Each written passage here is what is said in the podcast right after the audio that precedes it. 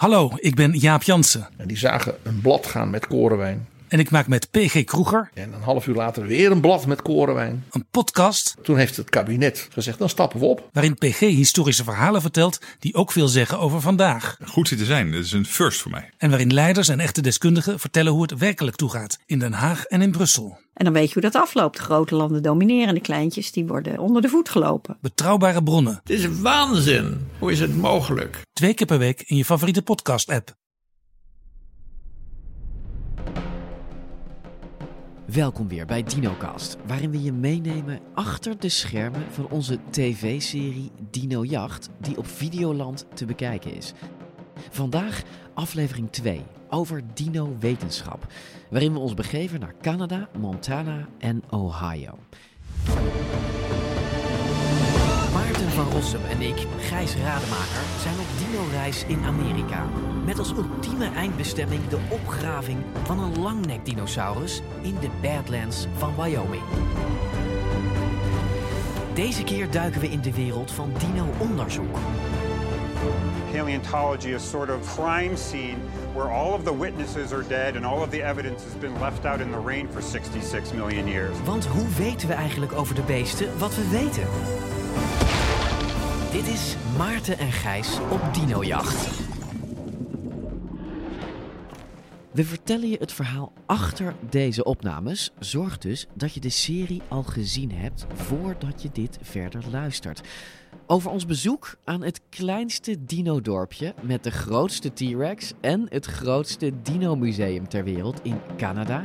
Dino Dave vertelt zo wat hij vond van die rare Dutch filmcrew. Met redacteur Carla praat ik over Whitmer's Dino Lab en vooral over de helse tocht er naartoe en de groep mormonen die ons liefdevol opving midden in een storm. Zet je schrap voor het echte verhaal over onze reis. Dit is DinoCast.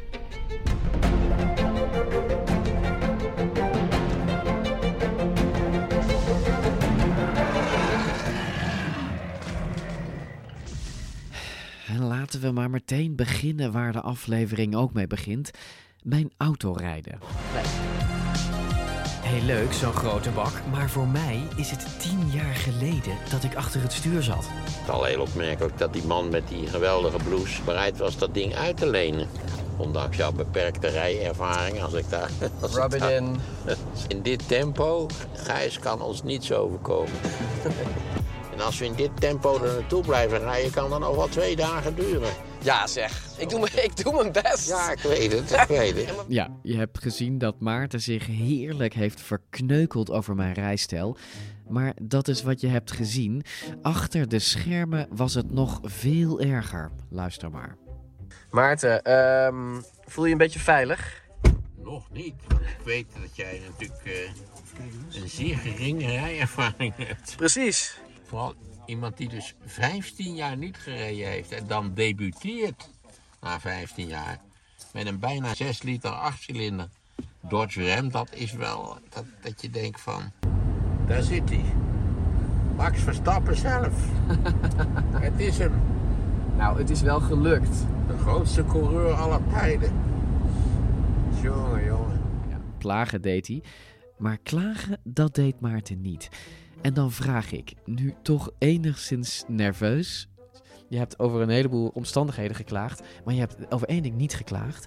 En dat is mijn rijstijl, Maarten. Ehm, hoe heb jij, je mag het nu zeggen, ik ben geen ervaren rijder. Heb je in angst gezeten? Hoe heb je mijn rijstijl ervaren? Nou, die was niet, eh, die was eh, Je mag het zeggen. eigenlijk onverwacht redelijk. Oké. Ik vond wel dat je, dat je, je, moet- je moet leren om veel gelijkmatiger te remmen. Mhm. Als je remt, dan rem je ook, maar dat hoeft helemaal niet. Je kunt heel... Ja, heel- ik rem echt, ja. Klopt. Ja, het gaat hydraulisch, dus je kunt het voortreffelijk doseren in Ja. feite. Ja, want ik had zeven rijlessen genomen. Ik, ik Ja. kan rijden, ik had al tien jaar niet gereden, hè. Dus ik heb dat opgefrist met zeven rijlessen, niet maar niet gereden meer. heeft, moet ik zeggen, viel het mij enorm mee. Het Ja. was niet dat ik dacht, jezus nog. Nou, ik heb je Jezus, soms, nog soms werd jij stil in de auto, Maarten. Dan waren we aan het kletsen en dan werd jij stil. En dat, dat komt omdat of de auto voor ons off-road vrij schuin op de helling reed. En dan grijp je, dan pak je toch even de zijkant Ja, van er was één vast. moment dat ik dacht van, nou, die gaan we hier gaan we dus de afgrond in. Ja, dat wist ik, ja. en dan denk jij toch, en ik zit, ik zit hier met Gijs in de auto, dat, ik hoorde het je gewoon denken. Nou, wat je niet hebt, is wat mensen met veel rijervaring hebben, namelijk het, het, Reflexen. het lossen. Het, Ja. het, je bent erop geconcentreerd, je bent een beetje strak. eh, Ja. Iemand die heel veel gereden heeft, die, dat is Clayton Phipps. Ja. Die, die met het, een soort van natuurlijk gemak, dat ding met, met 60 mijl per uur over die diepe sporen die in die weg gesleten waren. Ja. Ik vond het echt interessant om Ja. te zien. En hij doet dat dus met zijn ogen dicht, bijna Ja. letterlijk. In ieder geval bijna met zijn handen los. Ja. En ik loop daar echt te worstelen. Ja, wij zijn ik vond dat echt pittig. Ik weet niet, eh, iemand is nog vastgelopen. Ja, was ik niet. Was Oh, ik niet. was Nee, was Joep. Nee, dat is, Oh, was eh, was Joep. Genoeg over mijn zwaktes. Ik reed ons naar het Canadese dorpje Drumheller. Dat telt een paar duizend zielen en ligt anderhalf uur rijden ten noorden van Calgary in de enorme provincie Alberta. Wat zou jouw samenvatting zijn van het dorpje Drumheller in Canada? Dat het eh, vooral een dorp was. Van een aangrijpende achterlijkheid, zou ik ook zeggen. Eh, ook, ook de eetgelegenheden voldeed daar ook volledig aan. Yep. Wij logeerden in een soort amateuristisch hotel. Of, of misschien een B&B, Airbnb. Dat deed een beetje aan denken. Ja. Het was best een aandoenlijk kamertje. Er stonden Oh, twee dinosaurussen in de tuin. Er stonden ook van die cementen, hè? Was het ook alweer eh, concrete saus? Cementosaurus. Cementosaurus. noemden ze ze. Ja, moeten we, Enorm geest. Dat het hele dorp stond trouwens vol met Cementosaurus. dan moeten we even uitleggen. Waarom noemen ze die Cementosaurus? Dat kwam dat ze daar allemaal dino's van cement hadden staan. Die kennelijk uit een soort goedkope gietmal waren af- afkomstig waren. En die waren allemaal bezig eigenlijk om te desintegreren Ja. in het hele dorp. Zodat we een damesploegje troffen die bezig waren om die beesten te verven. Maar het was allemaal van een, van een immense treurigheid. En jij was onbeleefd tegen die dames. Ja, dat was, ik vond het ook wel een beetje onzin om dat beest te gaan verven. Ja. Kun je tijd beter gebruiken. Wat, wat mij het meeste opviel eigenlijk was dat als je, als je zou, in midden in Drumheller zou staan... en je zou even niet de nummerborden bekijken... waardoor je zou kunnen zien dat je in Canada, de provincie Alberta was... Ik had gedacht dat het, eh, dat het anders dan de Verenigde Staten zou zijn. Dus dat je zou kunnen zien dat het Canada is. Ja. Ik had ook een veel te hoge pet op van het idee dat Canada toch een, een wat rustiger, beschaafder, Europeeser indruk zou maken dan de niet, Verenigde hè? Staten. Dit was gewoon de 0,0, 0,0. Ah, In Drumheller dacht ik binnen een uur, het is gewoon de Verenigde Staten. En ehm, behalve dat er gewoon echt, als je daar eh, in het midden op een kruising stond en je keek om je heen, we hebben het een keertje gedaan, wij telden volgens mij wel twaalf dinosaurussen. Dus overal dinobeelden, niet alleen die cementosaurussen van, eh, waar je over vertelt, maar op de daken, achter de ramen, Ja, eh, bij het- muurschilderingen, was- op auto's. het was Ehm, infantiel, laten we het zo zeggen. In mijn reisdagboek schreef ik... Lunchen deden we in het centrum van Drumheller, op het terras van de Black Mountain Roasters.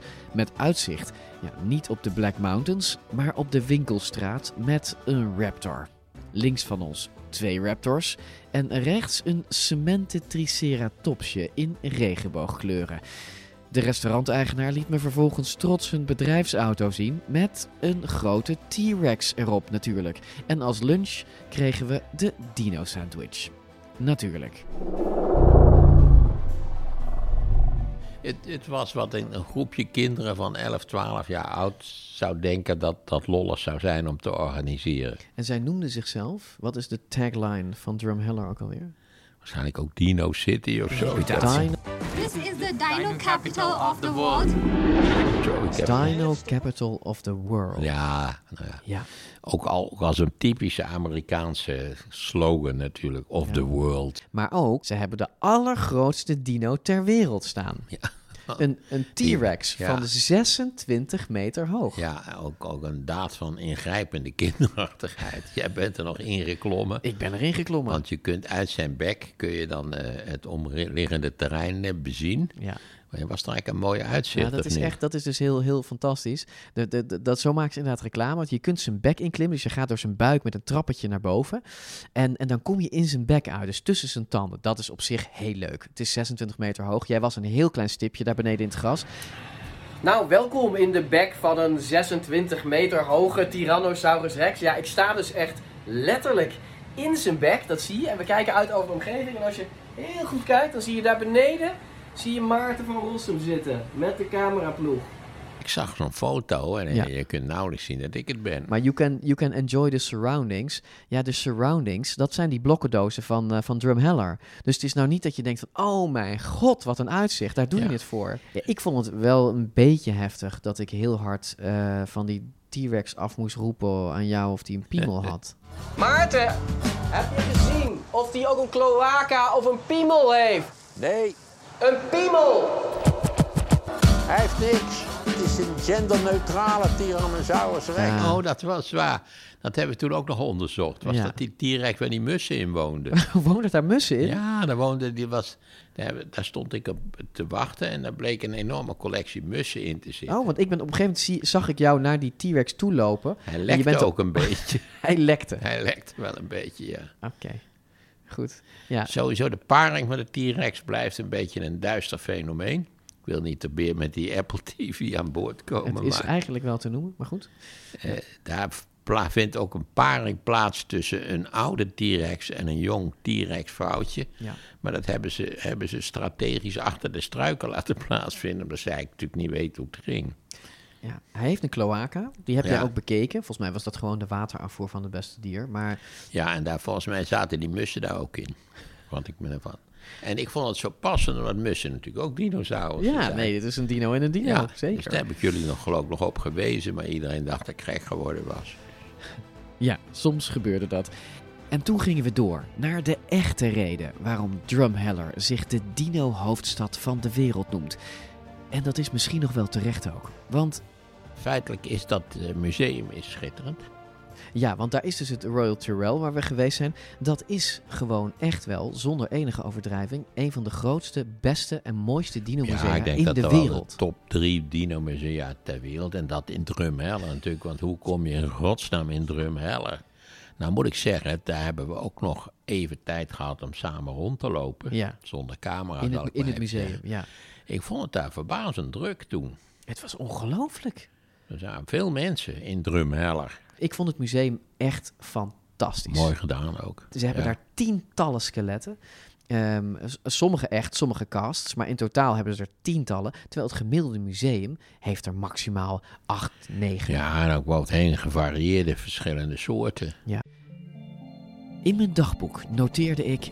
We hadden vijf uur achter elkaar scènes gedraaid in het Royal Tyrrell.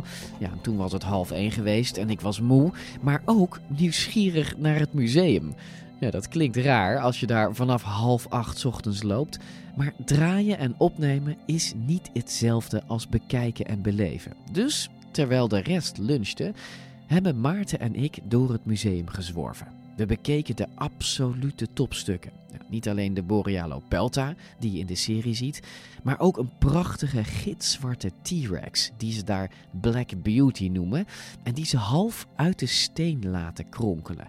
En een reusachtige Elasmosaurus, een langnek zeereptiel met 72 nekwervels. Echt amazing. En natuurlijk, ja, de grote dinohal. Een soort jaarbeurs Utrecht, maar dan vol met dinosauriërs die je in Europa zelden in musea ziet. Triceratops-achtige, met enorme lichte grote nekschilden. En snelle, struisvogelachtige loopdino's, zoals Ornithomimus. Wat een collectie. En, en dat dino-dorpje, ik snap wel dat ze overal de dino's neerzetten. Want er is verder in de feitste verte niks te halen of te doen. Alles, alles drijft op die dino-toeristen. Ja, het is een eh, top, top onderdeel van het vindgebied. Ooit, namelijk in, het, in de toptijd van de dino's, zagen de Verenigde Staten er niet uit zoals vandaag. Je had wel een oostkant, die kwam aangedreven eigenlijk van de Eurasiatische plaat. Ja. Eh, die was daarvan afgescheurd. En je had een westkant, dat was al een vrij fors gebergte. En daartussen zat een zee. Ja. En die zee die begint zo'n beetje eh, in de, waar nu de staat Alberta is. En die loopt helemaal naar beneden tot, laten we zeggen, tot ter hoogte van nou, Texas misschien de? Golf van Mexico, dat weet ik niet. precies. Maar het was een forse zee. Maar het was een betrekkelijk ondiepe zee. Het was een warme zee, waarschijnlijk mediterraan warm. Dus dat moet, eh, dat moet enorme hoeveelheden voedsel hebben opgeleverd. Ja, Maarten doelt op de Western Interior Seaway, een enorme watermassa die in de dino-tijd het Noord-Amerikaanse continent, hè, met nu de Verenigde Staten en Canada, dwars door midden spleet. Hij was wel duizend kilometer breed en werd bijvoorbeeld bevolkt door mosasaurussen en plesiosaurussen. Er kwamen verschillende rivieren op uit. Dus dat was een enorme sedimentproductie. En dat sediment was eigenlijk eh, wat het nu is geworden, een soort zachte klei. Je kan het eigenlijk lospeuteren nog. Ja, je kunt er zo je vinger in steken. Hè? Het voelt ook betrekkelijk zacht aan. En in dat sediment, daar zijn er die, die, die skeletten terechtgekomen. En omdat dat sediment zo enorm snel en makkelijk erodeert, want het erodeert door de wind. Als er een beetje in een storm staat, dan waait de helft, nou nee, moet niet overdrijven natuurlijk, maar dan waait er flink wat weg. En regen. Hè? En regen. Eh, het, het, en waarschijnlijk gewoon een soort natuurlijke erosie die, die zich altijd voordoet. En dat, dat type van sediment, dat heb je in de Dakota's, dat heb je in Montana, dat heb je in Wyoming. En dat heb je ook over de Canadese grens in Alberta. Dat is gewoon een continu, een continu gebied. Ja, dat de plek ook- van het water, ja. dat heet de Badlands. Al dat geërodeerde. Want er is daar geen landbouw te bedrijven. Dat, dat zie je snel genoeg bij die Badlands. Je kent er geen kant mee op. Waarom is het Badlands? Het is Badlands. Mooi om te zien, maar voor boeren totaal in- oninteressant. Badlands. Maar die Badlands, die wemelen van de dino's. Echt eh, van alles en nog wat. En er is verder niks. Er zijn geen steden overheen gebouwd. eh, eh, hè, dus ja, je hoeft eigenlijk maar een beetje te krabbelen. En, en, en Nou, dat is wat ze in, in, in, eh, in Drumheller natuurlijk ook hebben. Rondom Drumheller ligt dat gebied. Daar zijn ze. Ja, ik geloof dat ze daar ook al twee of drie T-Rexen gevonden hebben. Nou. Albertosaurussen bijvoorbeeld, Ja. hè, genoemd naar de plek. Albertosaurussen. Ja, Albertosaurussen. Ja. Grote vleeseters. Canadese. Het, eh. Canadese T-Rexen, eigenlijk, hè? Mocht je in de buurt zijn, ga kijken. Precies. Van Canada dalen we af naar de Verenigde Staten. En van koel en regenachtig wordt het droog en warm. Heel warm. En eenzaam. Want we komen in staten waar je als toerist nauwelijks iets te zoeken hebt. Ja, tenzij je natuurlijk dinosauriërs zoekt. Want we rijden de Hell Creek Formation binnen. Een gebied waar het stikt van de dino-resten. En dat zich uitstrekt over Dakota, Wyoming en Montana. Gigantische staten waar waarschijnlijk meer dino's in de grond liggen dan dat er mensen bovenop wonen. We maken eindeloze autoritten en deze reizen haat Maarten niet. Integendeel, hij vindt het prachtig. Overweldigd door het landschap. Het is, het is zo enorm. De ruimte is zo gigantisch. Ook qua licht in alle denkbare opzichten. En Ik wist natuurlijk waar we heen zouden, zouden gaan. En je, je, je probeert te bedenken hoe dat voelt. Die afstanden rijden en, en, en, en die wijsheid. Het heeft me toch overvallen toen we daar reden. Op een gegeven moment werd je wordt gewoon stil. Jij, zelfs jij werd soms Ja, gewoon stil. omdat je na vijf uur... ehm, en niet alleen omdat we... Wij raken eigenlijk niet uitgepraat. Maar het landschap maakt je toch... Op een gegeven moment krijg je een soort van... Ja, cadans. Ik nog nooit dan die zoiets. kaarsrechte wegen. Hè? Kaarsrecht tot in de verte een heuveltje. Dan kom je bij het heuveltje. Je gaat het heuveltje over en dan krijg je nog een keer een stuk van 30 kilometer kaarsrecht. Ja. En natuurlijk, het bevestigde eigenlijk het bekende beeld. En volgens mij heb ik ook enorm over gezeurd onderweg. Dat als je een foto van de Verenigde Staten ziet uit de ruimte. Dan zie je aan de rechterkant van de Verenigde Staten, ten west-oosten van de Mississippi, ziet het er vrij normaal uit met Ja. licht en zo. En Ja, een foto in de groot- nacht. Zo'n nachtfoto. Ja, precies, zijn Ja. wel nachtfoto's.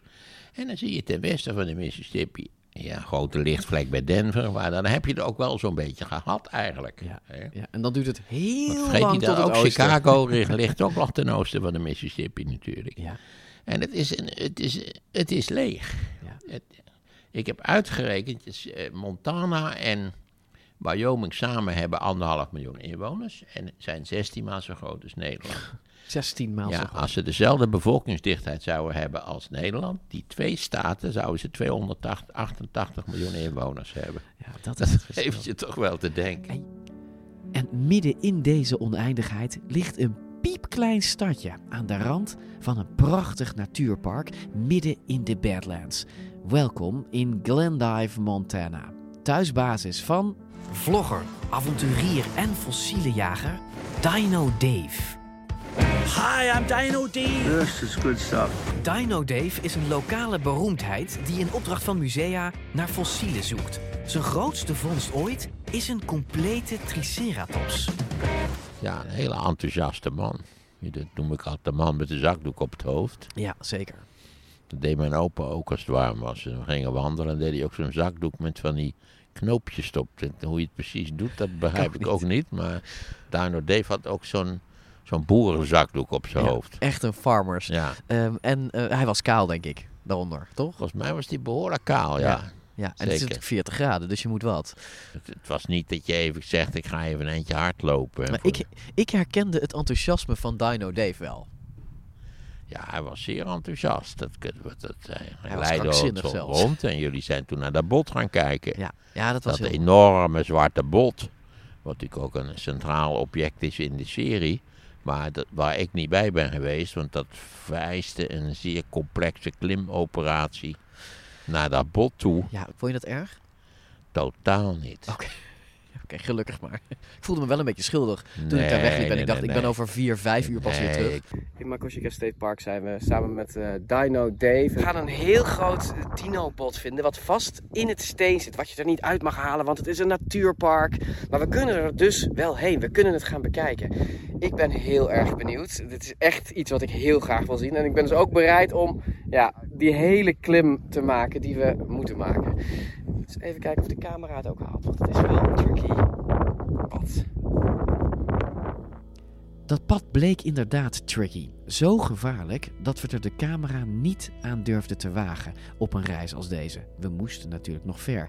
En we draaiden dus met onze iPhones een van de hoogtepunten van onze dino-reis. De vondst van een enorm Hadrosaurus-bot. Een scène waar ik me nu een beetje voor schaam.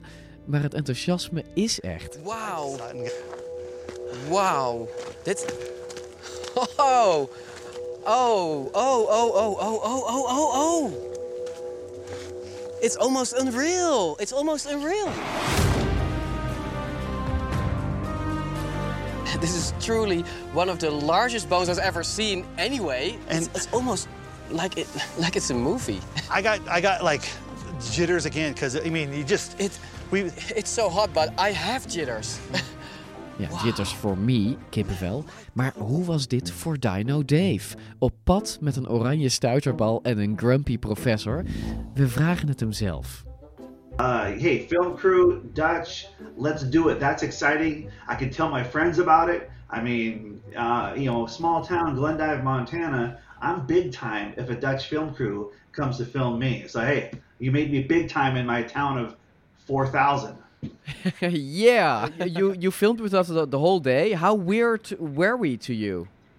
Okay, you know what is this is the weird part, and it's not weird. It's I felt like I've known you guys forever, and I don't know. I mean, it's like, hey, we, I mean, we became like best friends within five minutes, and I don't know if it's our we're both enthusiastic. I like the goofiness because I mean, without a lack of a better word, some of these film crews from, can I say, you know, America or whatever, they're so like dry and and and um, so you guys were fun right away and and uh, just had a blast. Ja, voordat we dat reuzenbot vonden, stuiten we eerst op iets anders. We zitten midden in onze klim omhoog. En ja, op film zie je een klein stukje. Dit is de opname van het hele moment. Ik heb de regieaanwijzing van regisseur Willem, die met een paars hoofd van inspanning naast me stond, erin gelaten. Want zo werkt televisie. So, how far still to go? Uh, okay, we're gonna go around that mound right there. Okay. And we're, so now we're pretty much to the top. So however which way, then we're just gonna go that way around that mound, Yeah. and then it's gonna like Hit us. Yeah, yeah, it's gonna hit us. Okay. Yep. Yep. Well, just And go. just so you I- I know, look for Oh. rocks like that. That's a dinosaur bone. This is a dinosaur bone. That's a bone. dinosaur bone, just laying out there randomly, just a piece of a dinosaur bone. This is a dinosaur bone? Yeah, I couldn't tell you what. It's just a piece. I mean, Gast, dit is de eerste keer dat jij een dinosaurusbot in het wild ziet. Hè? Dit is de allereerste keer dat je er één gewoon... eh, Ja. Dit is dus de allereerste keer dat je er één gewoon kan, kan oprapen en, en vastpakken. Eh, je, je kent ze alleen van musea. Ik ken ze alleen van musea. Dit is, dit is, uh, this is really special for me. I know it sounds stupid. No, but exactly. But it, it is special for no, me. No, this is why I like taking people out like you because now I see the excitement in your eyes This- that this- I used to have, and and it should be. I mean, how amazing is that? That had a whatever this dinosaur was, probably Triceratops. It had a life. It had a family. It had kids. Sixty-six million years ago, and then picked up by a Dutch film crew. What are the odds? I mean, he, that guy, whatever that Triceratops could have predicted that. but here we are. And you know, nobody, nobody touched this in in what 66 million years, and now I'm holding it. That's right. Actually, you touched it first. Yeah, but sorry about that. We'll find another one. We'll I find, we'll, we'll find another one. I spoiled it. Well, uh, you will always remain the first one to take me out in the field and find a dinosaur bone. So uh, for me, that's a really special moment. I am proud to be your first. Yeah. Oké, let's continue. Ehm, ehm, terug naar het grote bovenbeenstuk van waarschijnlijk de Edmontosaurus, vast in de rots. Wat is er van dat prachtige bot geworden? This is six months ago, right? And the, the, the bone is still there. Nothing happened. It's just still there. It's still there. Yeah, it's. I'm just. They the museum knows about it. It's still there. It's a, you know it's at a tough spot. Um, but one person knows about it. I can tell you a. I can tell you a crazy story. Ja, een crazy story over hoe ons bot bijna geroofd werd en hoe Dave dat puur bij toeval wist te voorkomen. I was playing poker with a local commercial collector. We play there's a there's a, a poker play at the bowling alley. So he was showing me um, when, when he has a, enough Jaeger bombs and when he's playing poker, he will start showing me pictures of his dinosaurs on his flip phone. And so one day he starts showing me pictures like Dave, you got to see this bone that I found. And he starts showing me, and he showed me that exact same bone. So he's seen it. He's, oh, And he so- showed the bone we visited. He showed me the bone that we visited, but he didn't know that I've already found it. And so I reach into my phone and I start flipping through and I look at the picture and I showed him the phone and I go, Do you mean this bone? Oh, nice. Red in the face. And he knew that uh, he might have poached that if he did not know that I knew about it. He would have gone up there, he's in his horse. It's a remote spot where we're at. I mean, Yeah. It's. It's very remote. So by showing uh, your phone with the picture, uh, you showed him that you know that it was in a state park, and he could not take it. So he was he, he tried to brag about it, but instead he got into trouble, right? Because now he has to leave it because you know about it. Absolutely. So nice. so it's somewhat protected. Somewhat. It's, it's protected. So if, if Dutch people, eh, mensen als jullie naar Glendive, eh, Montana willen, dan, eh, en jullie willen dat bot gaan zien, dat Hadrosaurus bot, dan het ligt er nog. En eh, of course, Dave will take you up the hill to show the bone, right Dave? Any Dutchies coming your way? That is correct. I've got a place to stay. Come on out. Oké, we hebben al gehoord Maarten over Dave, maar wat vond Dino Dave nou van Maarten? Uh, what did I think of Martin? I think he seemed kind of. Uh, um, I couldn't tell if he was happy or not. he was. He was. I think he was mad at the world, and mad he, he didn't get his coffee or something like that. Um, but uh, once we were in the car and hearing him talk, that was fun. I loved. You know, you don't know what's going to come out of his mouth next. So. Ik zeg rake typering. En daarmee nemen we afscheid van Dave. Voorlopig, volg hem vooral op zijn YouTube-channel Dino Dave Adventures. Ons avontuur voert ons naar Ohio, maar niets aan deze reis verliep normaal. Dus zelfs de vlucht naar Ohio niet. Ik fris Carla's geheugen even op en then it hits her. Weet je nog wat er gebeurde toen we Columbus, Ohio naderden? Oh, oh. Ja, oh, die, die- ja ik zie dat je het beseft. Ik besef het me. Dit, dit is weer eentje in de categorie. eh, er gaat ook nooit iets goed op reis. We naderden Columbus, Ohio. Ja, we zaten in de lucht. En het allergrootste noodweer wat je kan bedenken barstte los. Ik heb nog nooit zulke bliksemflitsen gezien. Eh, om ons vliegtuig heen. Het was, het was echt zo'n zo'n omweer der omweren wat je boven de stad zag. En we dachten, oh my god, zullen we moeten uitwijken? Dat zul je net zien, dat we uit moeten wijken naar een andere stad. Even voor de, het was, hoe laat? Het, was, het liep tegen 11 uur Ja, s avonds. kwamen hè? heel Dus laat het- een donkere nacht, onweer. En we landen midden in dat onweer. En we landen gewoon. Dus je dacht, oké, Nu zijn we er. die hebben we. We zijn in Ja. ieder geval op Ohio. Maar zo simpel lag het niet. We're looking on our weather radar right now, it looks like there's just a pretty significant uh, thunderstorm cell over the airport. So we're going to wait for that to pass through, and then once it does, the ramp will reopen. Oké, je hoort het, er gaat ook nooit iets normaal op deze reis. We zijn geland nou ja, tussen bliksemende wolken. Maar nu staan we dus 50 feet van, van de gate. Het personeel mag niet naar buiten, omdat het een totaal noodweer is. Dus 20 meter voor Ja. de gate stopte Ja. het vliegtuig. En toen stonden we daar, in de regen, in de en toen storm. stormde het zo hard dat ze het te gevaarlijk vonden voor het personeel om dat vliegtuig aan die slurf aan te koppelen. Dus we Precies. moesten wachten. Ja. Ja, we moesten wachten. En we hebben volgens mij bijna een uur gewacht, drie kwartier Ja. of zo. En uiteindelijk was het, was het zo dat, dat eh, onze regisseur Willem, onze collega, die, eh, dus- die stond eh, naast mij dodelijk vermoeid op de bagageband te wachten. Die keek op zijn horloge en die zei: hey, het is 1 over 12, gefeliciteerd, je bent jarig. en zo ging mijn 44ste verjaardag in aan de doodmoe, aan de bagageband in Lost in Ohio ergens. En toen, eh, het, het mooie is ook nog toen Je eh, kreeg een ondertussen... cadeau. Ik kreeg, ik kreeg een cadeau. Ja, maar niet, niet van de ploeg. We kwamen een groep eh, mormonen tegen. Die hadden ook heel lang gewacht. En eh, dat waren jonge recruits van de mormonen. Echt, eh, nou ja, van die tieners in van die, eh, van die, van die ja, in jasjes en meisjes in jurken. En ja, echt nog één keer, 12 uur s'nachts, in een storm, op een vliegveld in Columbus, Ohio. Daar stonden die mensen. Die hadden ook nog een stapel van ongeveer 20 pizza, pizza's bij zich. Die ze al hal- half hadden opgegeten. Dus wij kregen allereerst een stukje pizza. Nou, daar waren we heel blij mee. Want we hadden eigenlijk geen avondeten gehad met z'n allen. En ik kreeg natuurlijk een Bijbelcadeau. Nou. en zo begon mijn verjaardag. Ehm, uiteindelijk waren we denk ik om twee uur s'nachts eh in het hotel. Eh, en toen begon eh, om tien uur s ochtends, eh negen uur s ochtends ontbijt, tien uur s ochtends de draaidag weer. ja, het en weer. zo ging Zo het, ging dus het maar door. Ja, ja. Ja, ja. Het was weer eh, een verjaardag om nooit te vergeten. En dat is niet gelogen, want het werd een prachtige dag. Whitmer's Lab is een van de top onderzoekslaboratoria als het gaat om dinosauriërs. Het wordt geleid door Larry Whitmer. Dat is de specialist in de wereld als het gaat om dino-hoofden. En dan niet het bot van de schedel, maar alles wat er omheen zit. Huid, hersenen, bloedvaten, alles. En Ohio lag voor onze reis totaal uit de richting. Maar Carla hield voet bij stuk. Ja, dat, kijk, we hadden de hele reis ongeveer van tevoren voorgeproduceerd en in kannen en kruiken. We wisten ongeveer waar we naartoe zouden gaan.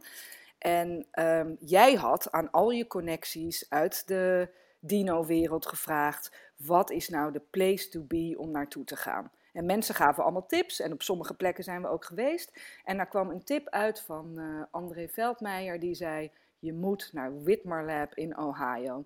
Dus ik ging dat opzoeken en ik dacht al: Oh, ze zien me aankomen. Ohio, helemaal andere kant van Amerika weer. Ik wou net zeggen, dat is gewoon zes staten Zes verderop. staten verderop, weer een extra vlucht. Hoe kunnen we dit in hemelsnaam in ons schema passen?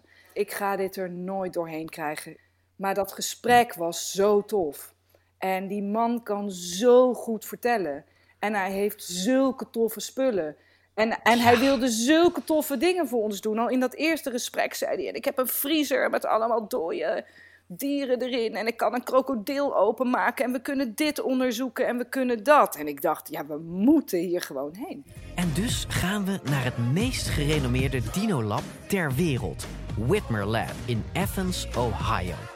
Hier wordt al jaren innovatief onderzoek gedaan. Door een team onder leiding van de grote Larry Whitmer zelf. Ik vond het daar hartstikke interessant, eerlijk gezegd. Eh, is dit Athens, Ohio is dit? Want je weet dat in Amerika alle steden heten Rome, Athene, Dit was Athens. Ninive, weet ik veel, Wageningen. Je kunt ze gek niet verzinnen. Het had weinig van het klassieke Athene, Ja. kan ik je verzekeren. Ik heb het ook even gecheckt. Athens is ook een betrekkelijk armetierig eh, plaatsje, al met al. Godzijdank heeft het een universiteit, dat scheelt altijd. Maar goed, dit, hier was een, een enorm aardig researchcentrum. En ik raakte ik ook wel met die man in gesprek. En, Met eh, Larry ja, Whitmer. Ja.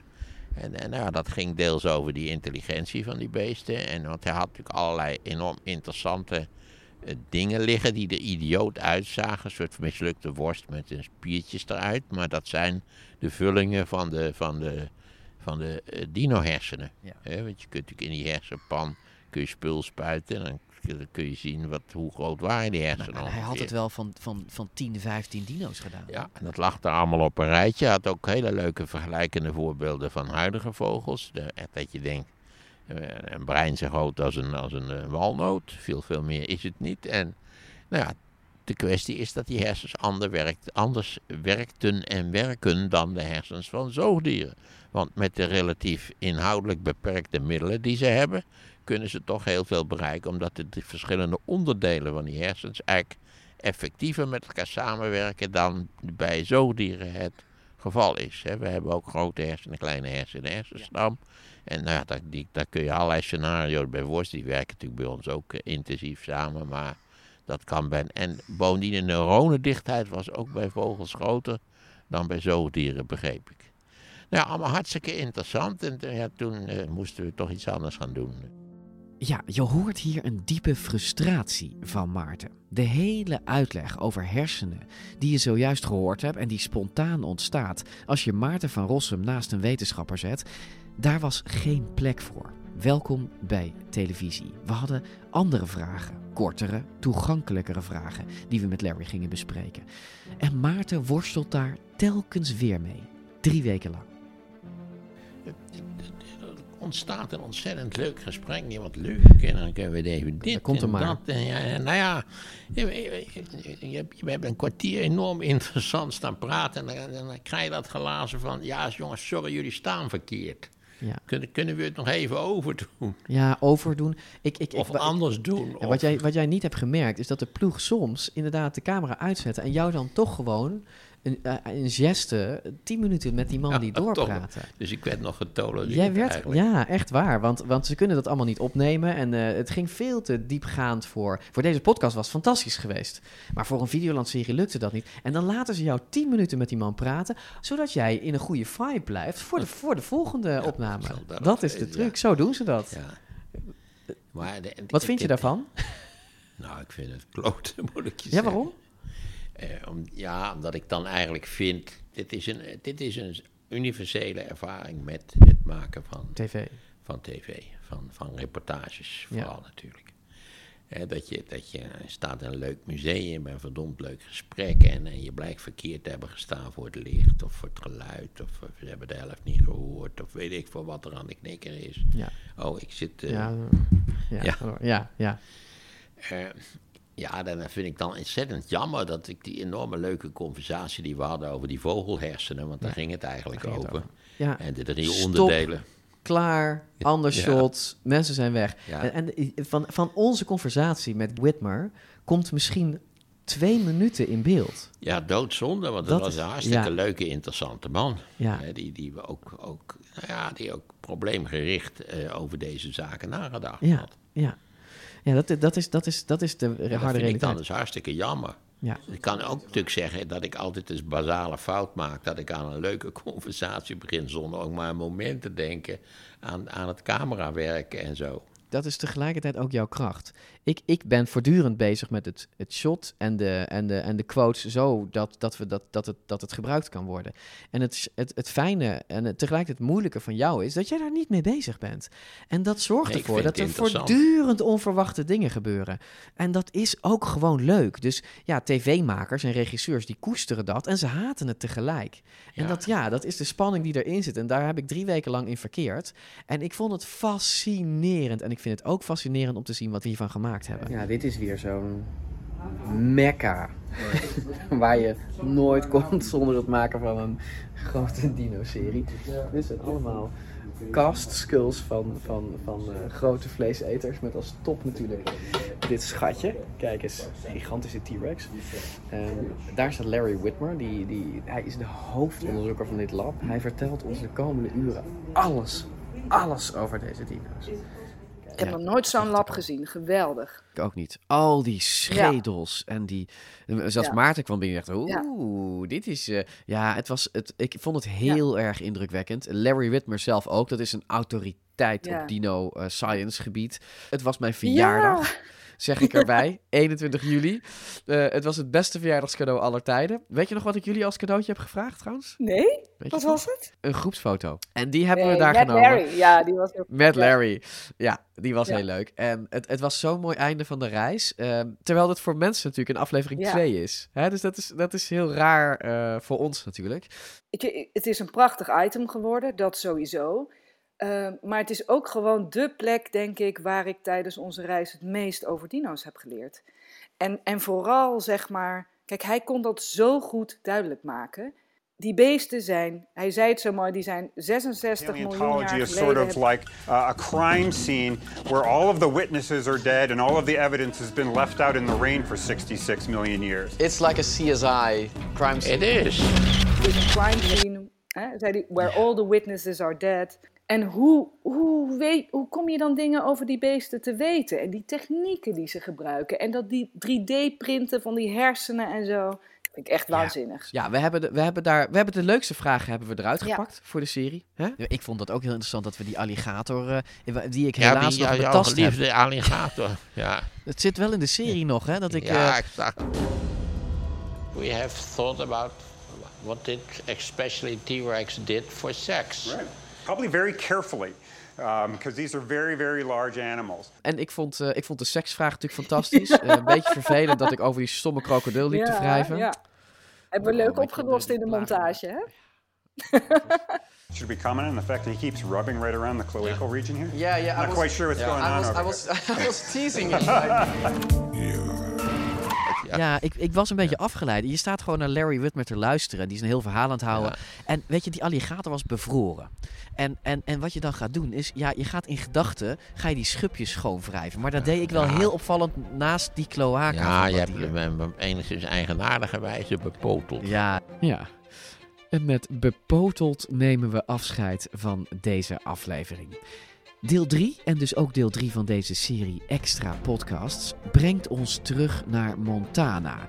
Waar we onze eerste botten uitgraven met de, De allerbeste fossiele jager ter wereld, Dino Cowboy Clayton Phipps. Maarten zat uren met hem in de auto en heeft daar smakelijke verhalen over. En het gaat natuurlijk over geld. Veel geld. Want dinofossielen zijn big business. Een bijzondere veiling in New York. 6 miljoen euro werd er afgetikt voor een skelet. Een van de duurst verkochte dinosaurussen ooit. Of is het wel veel geld? Hoe rijk is die dino-business eigenlijk? Dit was DinoCast Extra. Tot de volgende aflevering.